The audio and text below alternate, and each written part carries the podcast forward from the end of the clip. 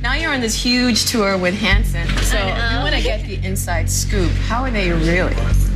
They're very nice guys. År 2000 var et usedvanlig spennende år helt fra første sekund.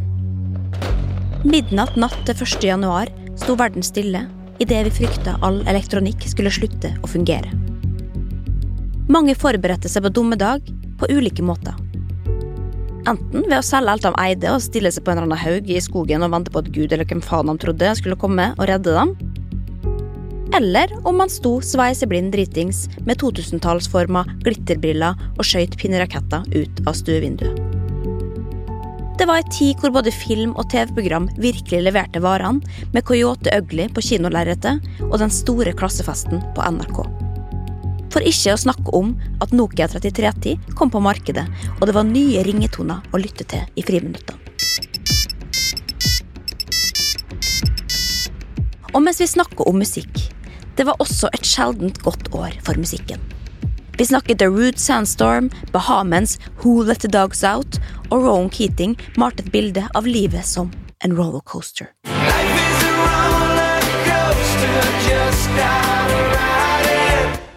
Briskeby vant Spellemann for årets nykommer, og The Olsen Brothers naila MGP med sin fantastiske låt Fly On The Wings Of Love. En instant classic.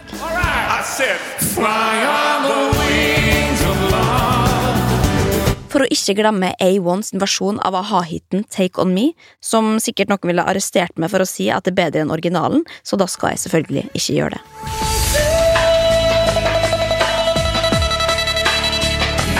Men det var også det året en annen musikalsk begivenhet og romanse fant sted. På vei opp på stjernehimmelen finner vi nemlig to unge Lørenskog-jenter ved navn Marit Elisabeth Larsen og Marion Ravn. Som selvfølgelig bare kan forkortes på følgende måte M2M.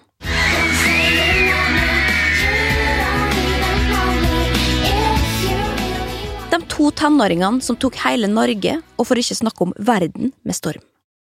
Hva er vel det eneste som er bedre enn nordmenn med internasjonal suksess? Jo, at de kobles til celebriteter som er enda mer populære, og fra utlandet. For det var nemlig samtidig som M2Ms karriere skjøt fart, at det oppsto søt musikk med ei anna populær popgruppe på stjernehimmelen, nemlig det amerikanske fenomenet Hansen. De tre brødrene som forførte en hel verden med låta Mbap, som klistra seg på hjernen som uspiselig sukkerspinn. Det var rett og slett umulig å ikke la seg rive med i det man hørte Mbap, bap, da, du, dap, og det festa seg som en vedvarende tvangstanke.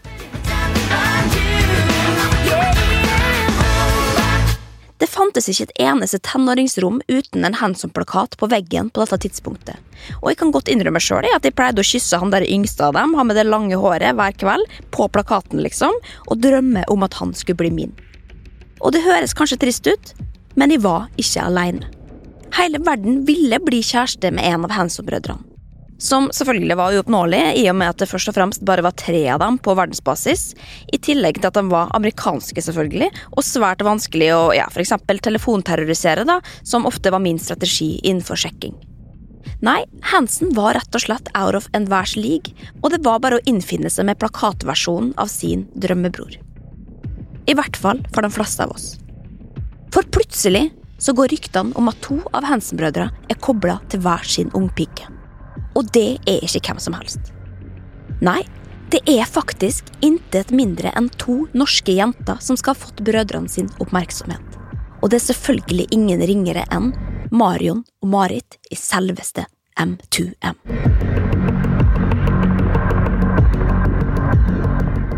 Og det skal jo faen ikke være mulig, tenker du. To amerikanske superstjerner kobla med to norske jenter? Det kan jo ikke stemme. Men det gjør det, og det er denne historien vi i dag skal dykke ned i. Sammen skal vi finne sannheten om denne mytiske kjærlighetshistorien, og hvordan den oppsto.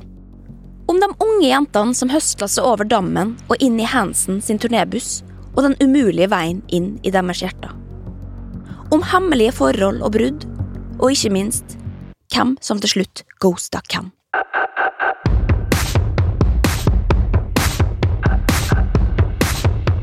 Heter Linnea Myhre, og jeg er ikke gravejournalist. Men jeg er veldig interessert i alle detaljene du trodde at du ikke trengte, og denne uka skal vi gå tilbake til en viktig epoke i ikke bare norske historiebøker, men også i internasjonal kontekst.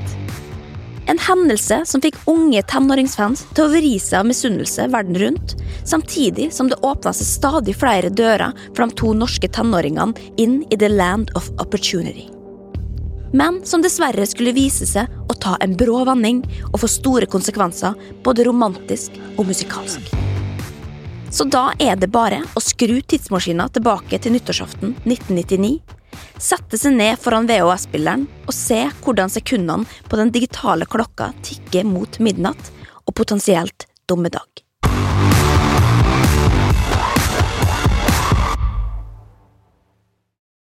Vi må selvfølgelig begynne på begynnelsen og se nærmere på hvordan eventyret M2M faktisk starta.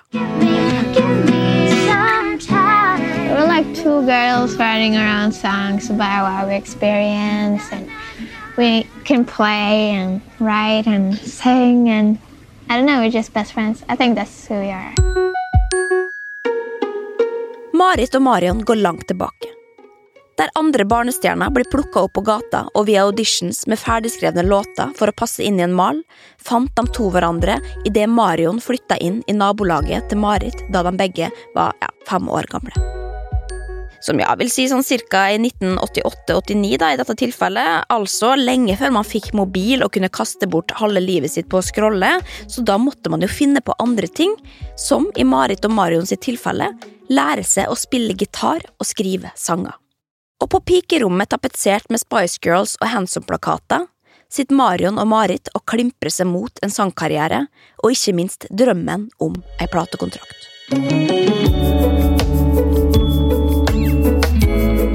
Og jeg må innrømme at jeg syns alltid at det har vært veldig spennende å tenke på hvordan folk faktisk får platekontrakt.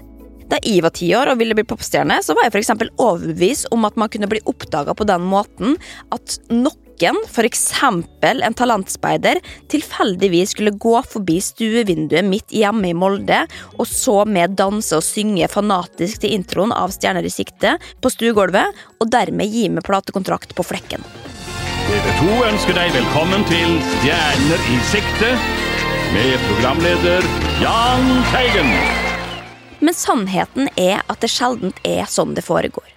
Og det skal som regel faktisk en god del gammeldags arbeid til. For en alder av åtte år så starta altså Marit og Marion bandet Hubba Bubba, hvor de da etter hvert høstler seg rundt for å spille noen gigs på en barnehageturné. Ja, som kanskje ikke høres så glamorøst ut, men det ene leder overraskende nok til det andre, og etter å derfra ha lurt seg inn i et studio for å spille inn en demo, så skjer det altså. Marit og Marion blir oppdaga, og de får platekontrakt. Sammen gir de ut barneplata Marit og Marion synger kjente barnesanger, som faktisk blir Spellemann-nominert og greier, som vi må si at er et ganske greit step up fra kassegitar på barnehageturné. De skjønte og de skjønte og de svømte rundt for deres mor hadde sagt at svømming var søt. Men så går tida, og Hubba Bubba det begynner jo å føles bitte litt barnslig.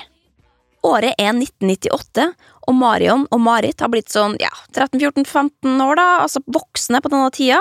Og nå har de også fått signert med Atlantic Records og fått en såkalt voksenplatekontrakt. En kontrakt som vi jo veit at de fleste bare kan drømme om, og som er en slags liksom, ja, det er en kontrakt som garanterer for at du er god, og at du skal få lov å bevise det. Og det gjør Marion og Marit, for å si det mildt, idet de gir ut debutsingelen som heter Don't say you love me, you don't even know me. Som vi jo selvfølgelig alle husker, med mindre du er enten A for ung eller B populærkulturelt tilbakestående. Like snakker jo om en hit som ikke bare klatra rett til topps på norske hitlister, men som også lukta på pallplassering borti Uniten, og på sitt beste så piker den altså på femteplass på Billboard sin salgsliste. Mye takket være at den ble brukt i filmen om et annet svært populært fenomen på den tida, nemlig Pokémon, som for øvrig er en forkortelse på Pocket Monster, hvis noen lurte. Det visste ikke jeg, altså. Men som da naturligvis genererte så mye trafikk at singelen gjorde det man kaller å ta av, og det på intet mindre enn første forsøk. Noe som i 2021 sikkert høres lett ut for dere også, eller nærmere bestemt for Kygo, som har ligget på toppen av den lista sikkert flere ganger enn jeg har sendt frier DMs til han, hvert og ikke fått svar. Men her må vi huske at vi er i 1999, folkens, hvor internett ikke har kommet for å bli ennå, og Marion og Marit har verken MySpace og Soundcloud eller TikTok eller hva faen, og nåløyet for å bli lagt merke til er uendelig mye trangere enn både innboksen og hjertet til Kygo. Uansett, med en fot innafor den amerikanske Billboard-lista, så kan vi trygt si at M2M har gode forutsetninger for å lykkes. De har nå hele verden for sine føtter, og nå må det jobbes på å sørge for å være der det skjer. Første singel har gått bra, så da er det bare å kjøre på med mer sang og gitar i monitor, og nå er det på tide å bevise at man fortjener oppmerksomheten. Og det kan man også trygt si at de gjør. For før i det hele tatt Norge har rukket å ta inn over seg de to tenåringsjentene sine talent og suksess, så er altså M2M allerede på plass i USA. Og i en nyhetssak fra 1999 så slår VG opp følgende overskrift. Tar New York med storm. Det er i forbindelse med denne Pokémon-premiera at Marion og Marit nå skal opptre på selveste Fifth Avenue til tusenvis av skrikende fans. Og de innser nå at drømmen deres ser ut til å ha gått i oppfyllelse. Marit beskriver ydmykt følelsen til VG. Det er litt eh, overveldende. Mens Marion Ravn på sin side kaller en spade for en spade. Men det er kult! Ja, og det har du faen meg rett i, Marion. Det er kult. Og på tampen av intervjuet så er det også en amerikansk journalist som stiller et meget godt spørsmål, nemlig hva de syns er forskjellen mellom det de er vant til i Norge vs USA. Og da svarer Marion med et stort smil om munnen. This is like big. Og det, mine damer og herrer, det har Marion også rett i. USA er stort, og det å få innpass der kan sammenlignes som å slå gjennom i alle europeiske land samtidig. Og Derfor er det jo meget beleilig at interessen i USA også er økende, og at tilbudene står i kø. Og enda bedre passer det selvfølgelig også at debutplata er på vei, så da er det bare å åpne døra for alle tilbud, og Marion og Marit legger ut på den store landeveien. For sjøl om du har litt vind i seilene og sånn, så må man jo også komme seg ut i distriktene og vise seg fram, og rett og slett møte the locals. I'm very honored to be in the presence of so many locals. For det må vi vite, folkens, at til og med Britney Spears opptrådte på tomme kjøpesenter in the middle of nowhere i sin spede begynnelse, og det koster faktisk blod, svette og en helvetes mye penger å bygge en karriere. Noe norsk media selvfølgelig ikke er så interessert i å verken forstå eller fokusere på. Nei, her skal det tas et kritisk blikk på økonomien i dette, og VG går rett på sjokknyheten om at det er blitt utbetalt så mye som 33 millioner kroner i forskudd til M2M. Som jo bare betyr én ting at nå er de rike, bortskjemte drittunger, og som hever seg over oss andre. Og ikke nok med det, VG kan også avsløre at halvparten av dette forskuddet allerede nå er brukt opp! Er det mulig?! Og ja, det er faktisk mulig. For ikke å snakke om også ganske vanlig på denne tida at plateselskapet altså blæsta så jævlig mye penger de bare kunne på ja, alt fra unødvendig dyre videoer og hotellrom, middag og alkohol, kanskje noe striper med kokain til folka øverst i toppen, for eksempel, uten at det kommer så veldig tydelig frem i verken regnskapet eller i media. Og isteden så skal vi nå sitte og tro at det er Marit og Marion som har brukt opp alle pengene, sikkert på ja, klistremerker og glitterhårspenner og piss, liksom, som de to nyrike og bortskjemte fjortis kjendisjentene de er. Mens det det jo selvfølgelig egentlig betyr, er bare at Marit og Marion nå skal jobbe jævlig hardt for i det hele tatt å tjene inn igjen de pengene plateselskapet har brukt, og faktisk gå i personlig overskudd på den jobben de gjør. Men dette er selvfølgelig en litt side note og annen historie, for det nærmer seg nå plateslipp for jentene, som nå fyker rundt i USA for å skape såkalt buzz rundt den nye singelen Mirror. Mirror, Og også denne singelen ender opp med å selge shitloads av kopier, og plata gjør det for så vidt også ganske bra når den kommer, uten at den liksom havner øverst på Billboard Topp 100, men altså, den havner jo ikke nederst heller. How are you guys doing?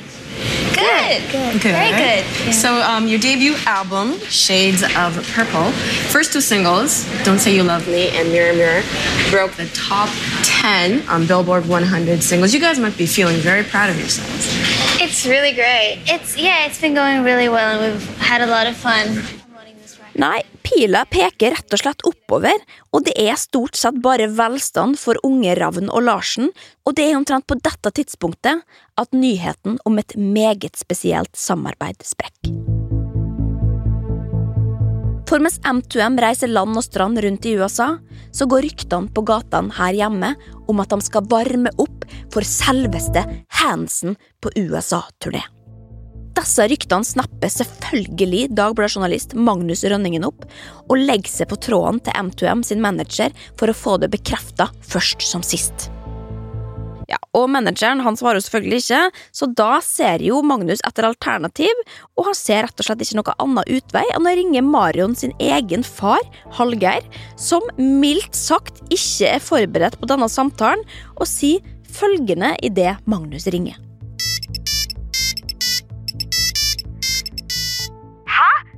Du fått vite dette? Det blir stille i telefonen idet faren til Marion innser at han har avslørt alt. Før han prøver en litt annen taktikk og henter seg inn igjen med følgende kommentar. Jeg vil ikke kommentere den forestående turneen overhodet. Ja, Magnus han fortsetter nå i hvert fall å ringe rundt, telefonterrorisere manager Thomas Erdmann, og idet han faktisk får taken, så kan det virke som at heller ikke han helt mestrer kunsten å holde noe hemmelig. vi har jobba med dette i månedsvis, men det er ennå ikke sikkert, og derfor vil jeg ikke gå ut med dette i avisene. Du får meg ikke til å bekrefte noe som helst. Og med det, mine damer og herrer, så kan vi vel trygt si at den katten endelig er ute av sekken. Og Magnus kan endelig skrive overskrifta M2M pluss Hansen og bekrefte nyheten alle har venta på. Marion og Marit reiser over dammen for å være med Hansen på seks uker av deres turné i USA, og det er rett og slett nesten for godt til å være sant, og vi tror det jo nesten ikke før vi får se det.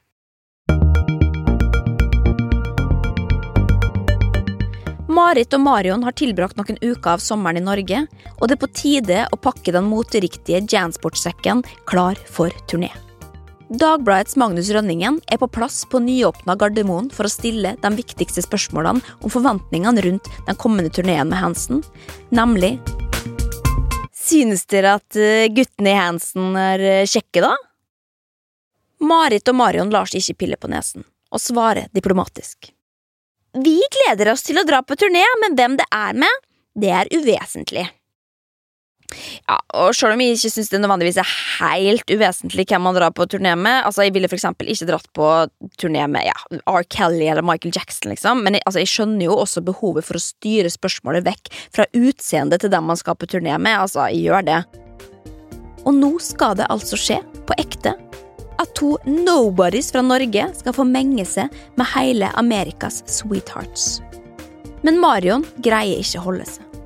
Og på vei mot gaten så snur hun seg, og med et glimt i øyet sier hun Neste år skal Hansen være oppvarmingsband for oss. Og med det er turneen offisielt i gang. Jentene ankommer New York, og annenhver kveld deler M2M scene med en av verdens mest populære tenåringsgutter. Og sjøl om det finnes lite footage som viser M2M faktisk in action, så har Marit i et intervju med Dagsavisen i senere tid fortalt at de reiste rundt med turnébuss og gitt oss de viktigste detaljene, som er følgende. Bussen hadde sittemuligheter foran og bak, og køyesenger i midten. Ja, og ikke nok med det, Marit forteller også inside information om selve turnélivet. Det var kjempegøy, skikkelig rock and roll, men sengene var skikkelig leirskolesenger, kjempesmå! Ja, og det tror vi på, Marit. Det tror vi på. For du vil nemlig ikke tro hva som skjedde etter dette. Det er etter noen gode uker i turnébobla at rykter om en helt spesiell musikk foregår i turnébussen.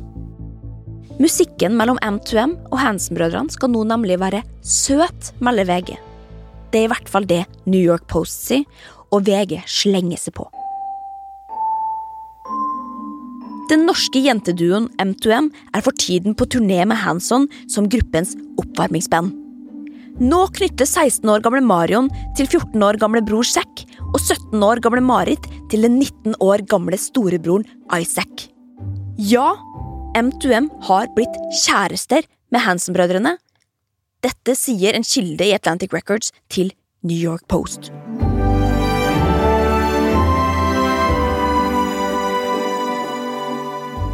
Holy shit, altså! Kan det virkelig være sant? To norske tenåringsjenter sammen med to amerikanske tenåringsgutter. Hvordan i all Kan de i det hele tatt English? Hele Presse-Norge, eller altså det vil si Magnus Rønningen, da, ligger på telefonen dag og natt for å få bekrefta ryktene. Kan det virkelig stemme, og hvorfor er det ingen som har sagt noe til oss? Hvem tror de at de er, og hvordan våger de å ha et privatliv? Og mens den mulige romansen blomstrer borte i smeltedigelen USNA, holder stakkars lille Norge utafor og på pinebenken. Og vi må pent vente til turneen er overstått før vi skal få vite noe som helst mer. Høsten glir over til vinter, og turneen er over.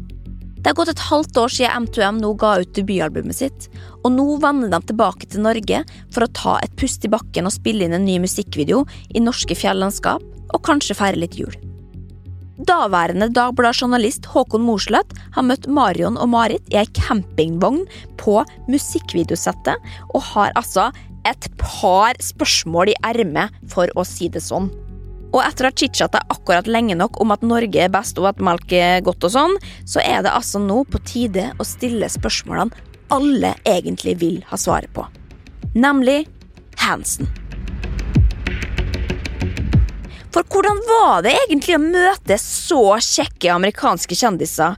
Og er det sant at det er noe romans på gang?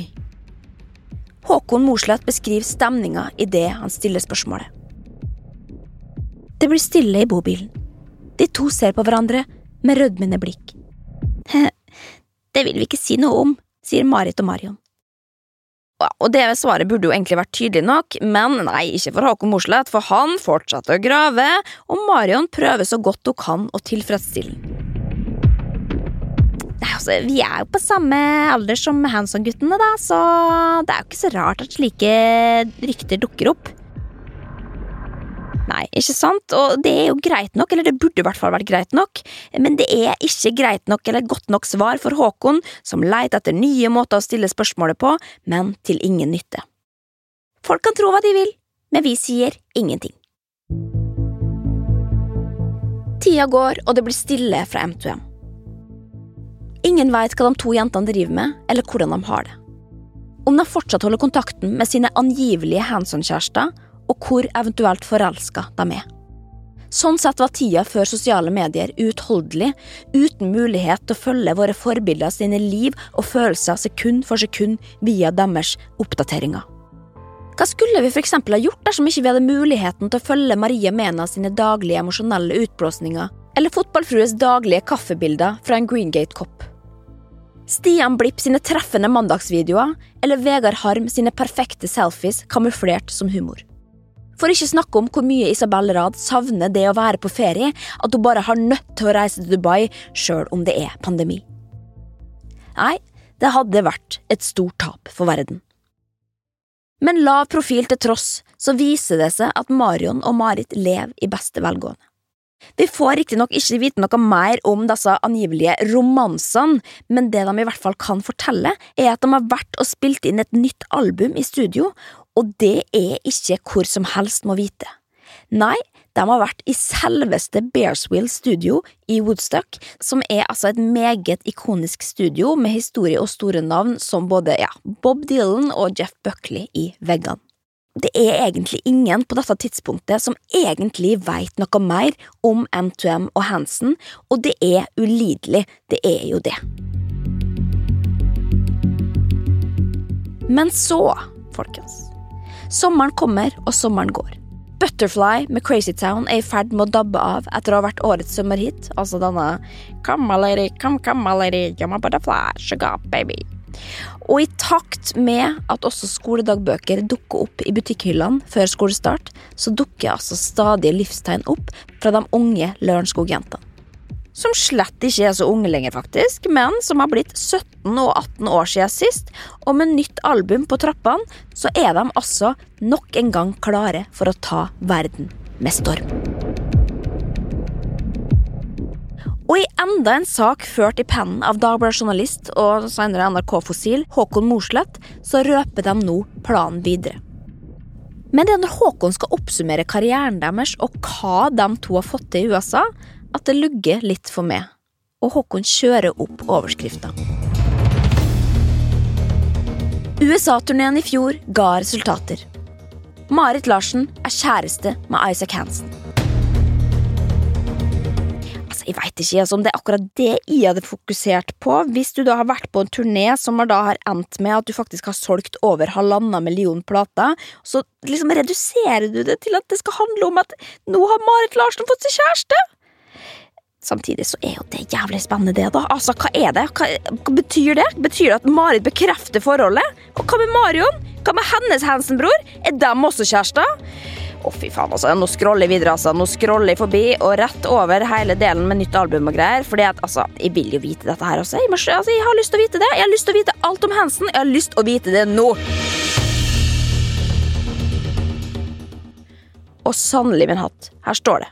Svart på hvitt. M2M varmet opp for Hansen-brødrene under USA-turneen i fjor. Og det var der Marit Larsen og Isaac Hansen traff hverandre. Og i sommer skal Isaac ha hilst på Marits familie i Oslo, mens Marit har besøkt kjæresten i New York. Dette skriver Se og Hør. Og jeg kan nesten altså ikke tro mine egne øyne. Men det er sant. Isaac og Marit er kjærester. Og da snakker ikke om bare sånne kjærester som uh, symbolsk bor på hver sin nye side av jordkloden og ikke snakker med hverandre og sånn. Nei, Isaac har faktisk vært på besøk i Oslo, og i Se og Hør så finner jeg altså beviset på at dette faktisk har skjedd. Og det er da altså en sak der Isaac og Marit er avbilda hånd i hånd på Aker Brygge en tidlig sommerdag i ekte paparazzi-style og med bildetekster tatt på fersken. Og bildet, det, ja, fy faen, det er så jævlig dårlig. Altså, tatt liksom akkurat idet Marit oppdager det, og du ser liksom tydelig at hun liksom bare oppdager kameraet og begynner å springe bort fra fotografen, mens Isaac Hansen er litt treigere i avtrekkeren og bare liksom smiler litt skeivt inn i kamera. Ja, og Når jeg leser saken, her, så står det jo egentlig ikke noe annet enn at hun gjerne vil beholde privatlivet sitt for seg selv, men det betyr vel ja, vi er kjærester på Se og Hørsk, så da får vi vel bare tro på det. Og ikke nok med det, faktisk, for Se og Hør har nemlig vært ute ei vinternatt før dem, nærmere sagt ei natt i New York samme sommer, hvor de også har tatt bilde av Isaac og Marit og tatt dem på rett og slett fersken igjen, da, sammen ute på byen. Og der skal Marit ifølge bladet ha festet med Hanson-gutta og smell opp et bilde av turtelduene hånd i hånd, iført hver sine Demin-outfits ute på byen i New York sine gater, lyst opp av så sterk blits at Marit må holde ei hand opp foran ansiktet for å ikke bli blind. Forholdet mellom norske Marit Larsen fra M2M og pophelten fra Hanson er hetere enn noen gang. Nå viser de sin kjærlighet for all verden. Ja, Jeg vet ikke akkurat om jeg vil kalle det å bli overfalt på gata av en Se og Hør-fotograf og vise sin kjærlighet til all verden, men altså, Se og Hør har jo litt egne måter å tolke ting på, så får vi bare tro dem på det også. Og sjøl om vi enda ikke veit akkurat hvor seriøst det er, så kan man jo med disse bildene slå fast at det må jo være noe mer enn en liten sommerflørt, dette her. At det faktisk er en liten romanse på gang, og det mellom selveste supermakt USA og bitte lille uskyldige Norge. Og det er jo faen meg helt fantastiske nyheter, spør du meg. Men det er også da et annet spørsmål melder seg. For i samtlige av disse sakene om den blomstrende kjærligheten, så refereres det jo selvsagt til M2M med bilder av både Marion og Marit, sånn at vi selvfølgelig skal huske da hvem Marit er, isolert fra denne amerikanske mannlige kjendisen. Men hva med Marion og hennes Hansen-flamme? Hva skjedde med hennes kjærlighet til sin utvalgte Hanson-bror? Og hvor er egentlig Marion? Og hvor er Zack Hanson? Og hvor i helvete er Magnus Rønningen? Det går lang tid uten at vi får vite noe mer. Magnus Rønningen satser nå fullt som forfatter med boka Oppskriften for det som vil opp og fram, mens Håkon Mosleth er travelt opptatt med å slakte den nye plata til Cape. I mellomtida turnerer M2M verden rundt med ny plate, og singelen Everything, som er min eh, rett og slett personlige favoritt altså, fra M2M noensinne, havner på en sjetteplass i Norge og får mye oppmerksomhet i både Australia og i New Zealand. For å ikke snakke om en opptreden i den meget populære ungdomsserien Dawson Creek, hvor de altså skal få holde en konsert på en strandfest i Florida, og Marion får til og med en liten rolle med replikk, der hun altså skal prøve å sjekke opp hovedkarakteren, da, som heter Pacey, som ja, dessverre avviser henne for at han er der med noen andre, men Marion tar selvfølgelig bare avvisninga på strak arm, og bare plays it cool, og så går hun videre. I appreciate offer, but I'm here with somebody. I don't see her next to you right now. Occasionally, I actually let her mingle with the people. I'm good that way. Um, don't leave. I'll be right back. Men det ingen ser komme, og som er grunnen til at hun faktisk da går, det er ikke fordi hun gir opp. Nei, hun skal faktisk opp på scenen og underholde hele festen, hun. Og hun går rett og slett bare rett opp, straka veien opp på scenen, og begynner å synge, mens selvfølgelig da altså Pacey blir stående og måpe mens han innser da hvilken tabbe han har gjort, og det er faen meg så flawless hele dette klippet her, altså, og hun er så kul, og jeg får gåsehud av å se på det.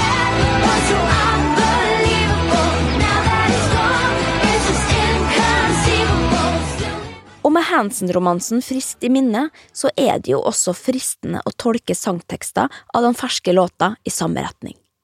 For én ting er jo som sagt Marit sin Hansen-bror, men ingen veit fortsatt hva som skjedde med Marion. Så da kan det jo faktisk hende at første vers av Everything kan være et slags lite kjærlighetsbrev. Bare hør her. It's been nine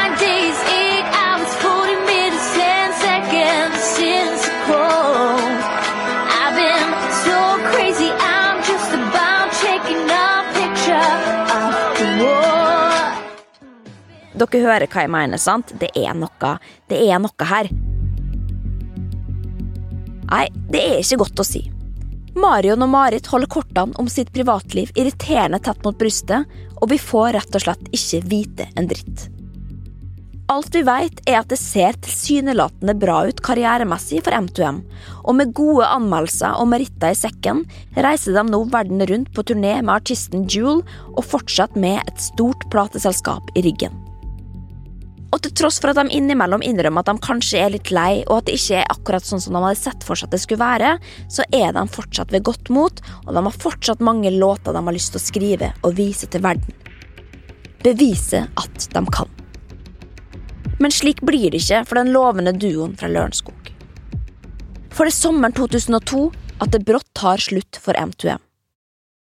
Og det er med overskrifta 'Sendt hjem fra USA' at VG nå melder om at tida in the land of opportunity er over, og alle turneer, TV-serieinnspillinger og opptredener nå er avlyst. Og nå spekuleres det altså i om at satsinga i USA er over. I et klipp fra Hver gang vi møtes i 2014 leser Marion et utdrag fra dagboka si fra flyturen hjem fra USA. 19. juli 2002. Så står det. Ja, her sitter jeg på et fly hjem nok en gang. Bare at denne gangen er det hjem for godt. Jewel-turneen er avlyst. Atlantic Records synes ikke at vi solgte nok plater, og sangen vår spilles ikke på radio. De kommer helt garantert til å slippe oss fra kontrakten hvert øyeblikk. M2M-eventyret er over. Det har vært fire fine, harde år. Mye gøy, men også mye jobb. Jeg har lært masse. Jeg har også sett mye. Jeg har vært rundt hele verden og også lært folk å kjenne. Men jeg vet at dette er hva jeg vil gjøre med livet mitt. Synge og spille. Jeg gir ikke opp.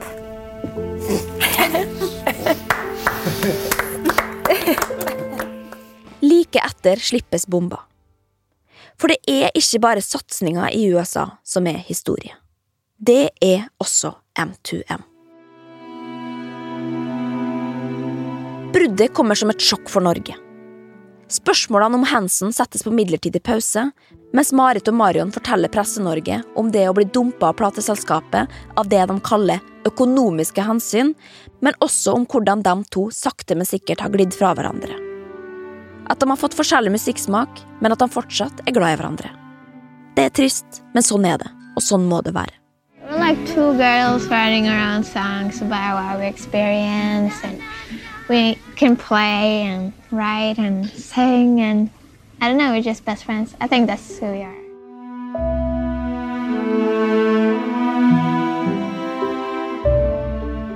Det høres kanskje ut som verdens mest antiklimatiske slutt på visa. To venninner som sakte, men sikkert klatra seg opp mot toppen av karrierestigen med et tydelig mål i sikte. Drømmen om å stå på ei scene og få Hansen som oppvarmingsband. Norge som sto på bunnen og rista i stigen, mens plateselskapet lokker dem til seg med gull og grønne skoger. Og akkurat idet de kan snuse på de øverste trinnene, så sparker altså Atlantic Records Marit og Marion så hardt i trynet at de ramler ned av stigen. Lander pladask i bunnen og oppå Norge, som fortsatt er litt bitre for at de i hele tatt begynte å klatre, men som jo motvillig tar imot. Og der andre kanskje ville våga seg opp igjen i stigen, så gir nå altså Marit og Marion opp. Det er ikke mer å hente. Og hvis du syns at det var antiklimatisk, så fins det selvfølgelig enda verre måter å gå ut på. For like etter at Atlantic Records har løst M2M fra kontrakten sin, så legges det nå ei helt ny kontrakt på bordet. Og den inkluderer kun én av de to venninnene.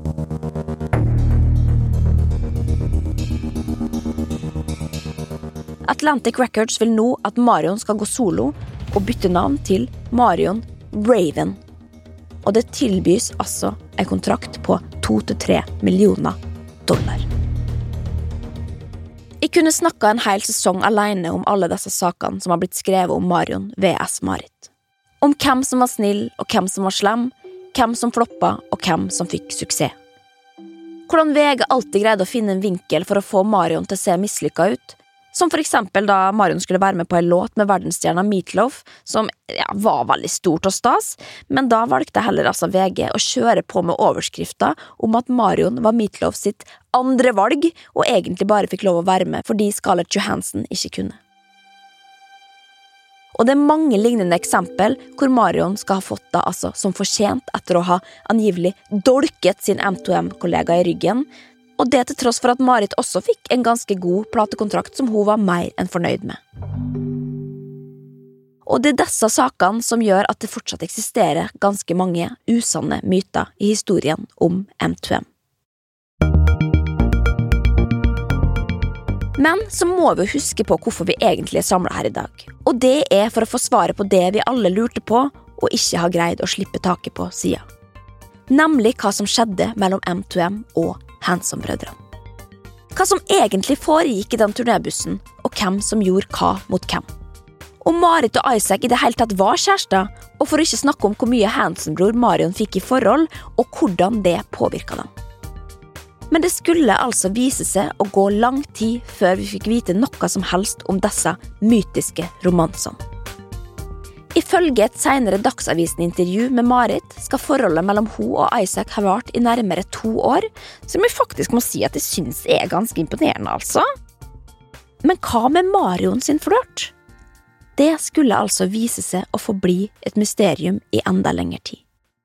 Og det var faktisk ikke før i samme sesong av Hver gang vi møtes at hun endelig letta litt på sløret, og hun røpte hvem Everything faktisk handla om. Den handler faktisk om eh, en eh, gutt som jeg datet. Han spilte trommer i Hansen.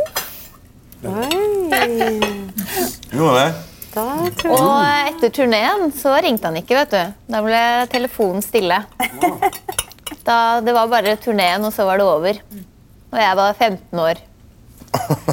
Og det er da liksom den der ideen kom. da liksom, It's been nine days, eight hours, 40 minutes, 10 seconds since you called.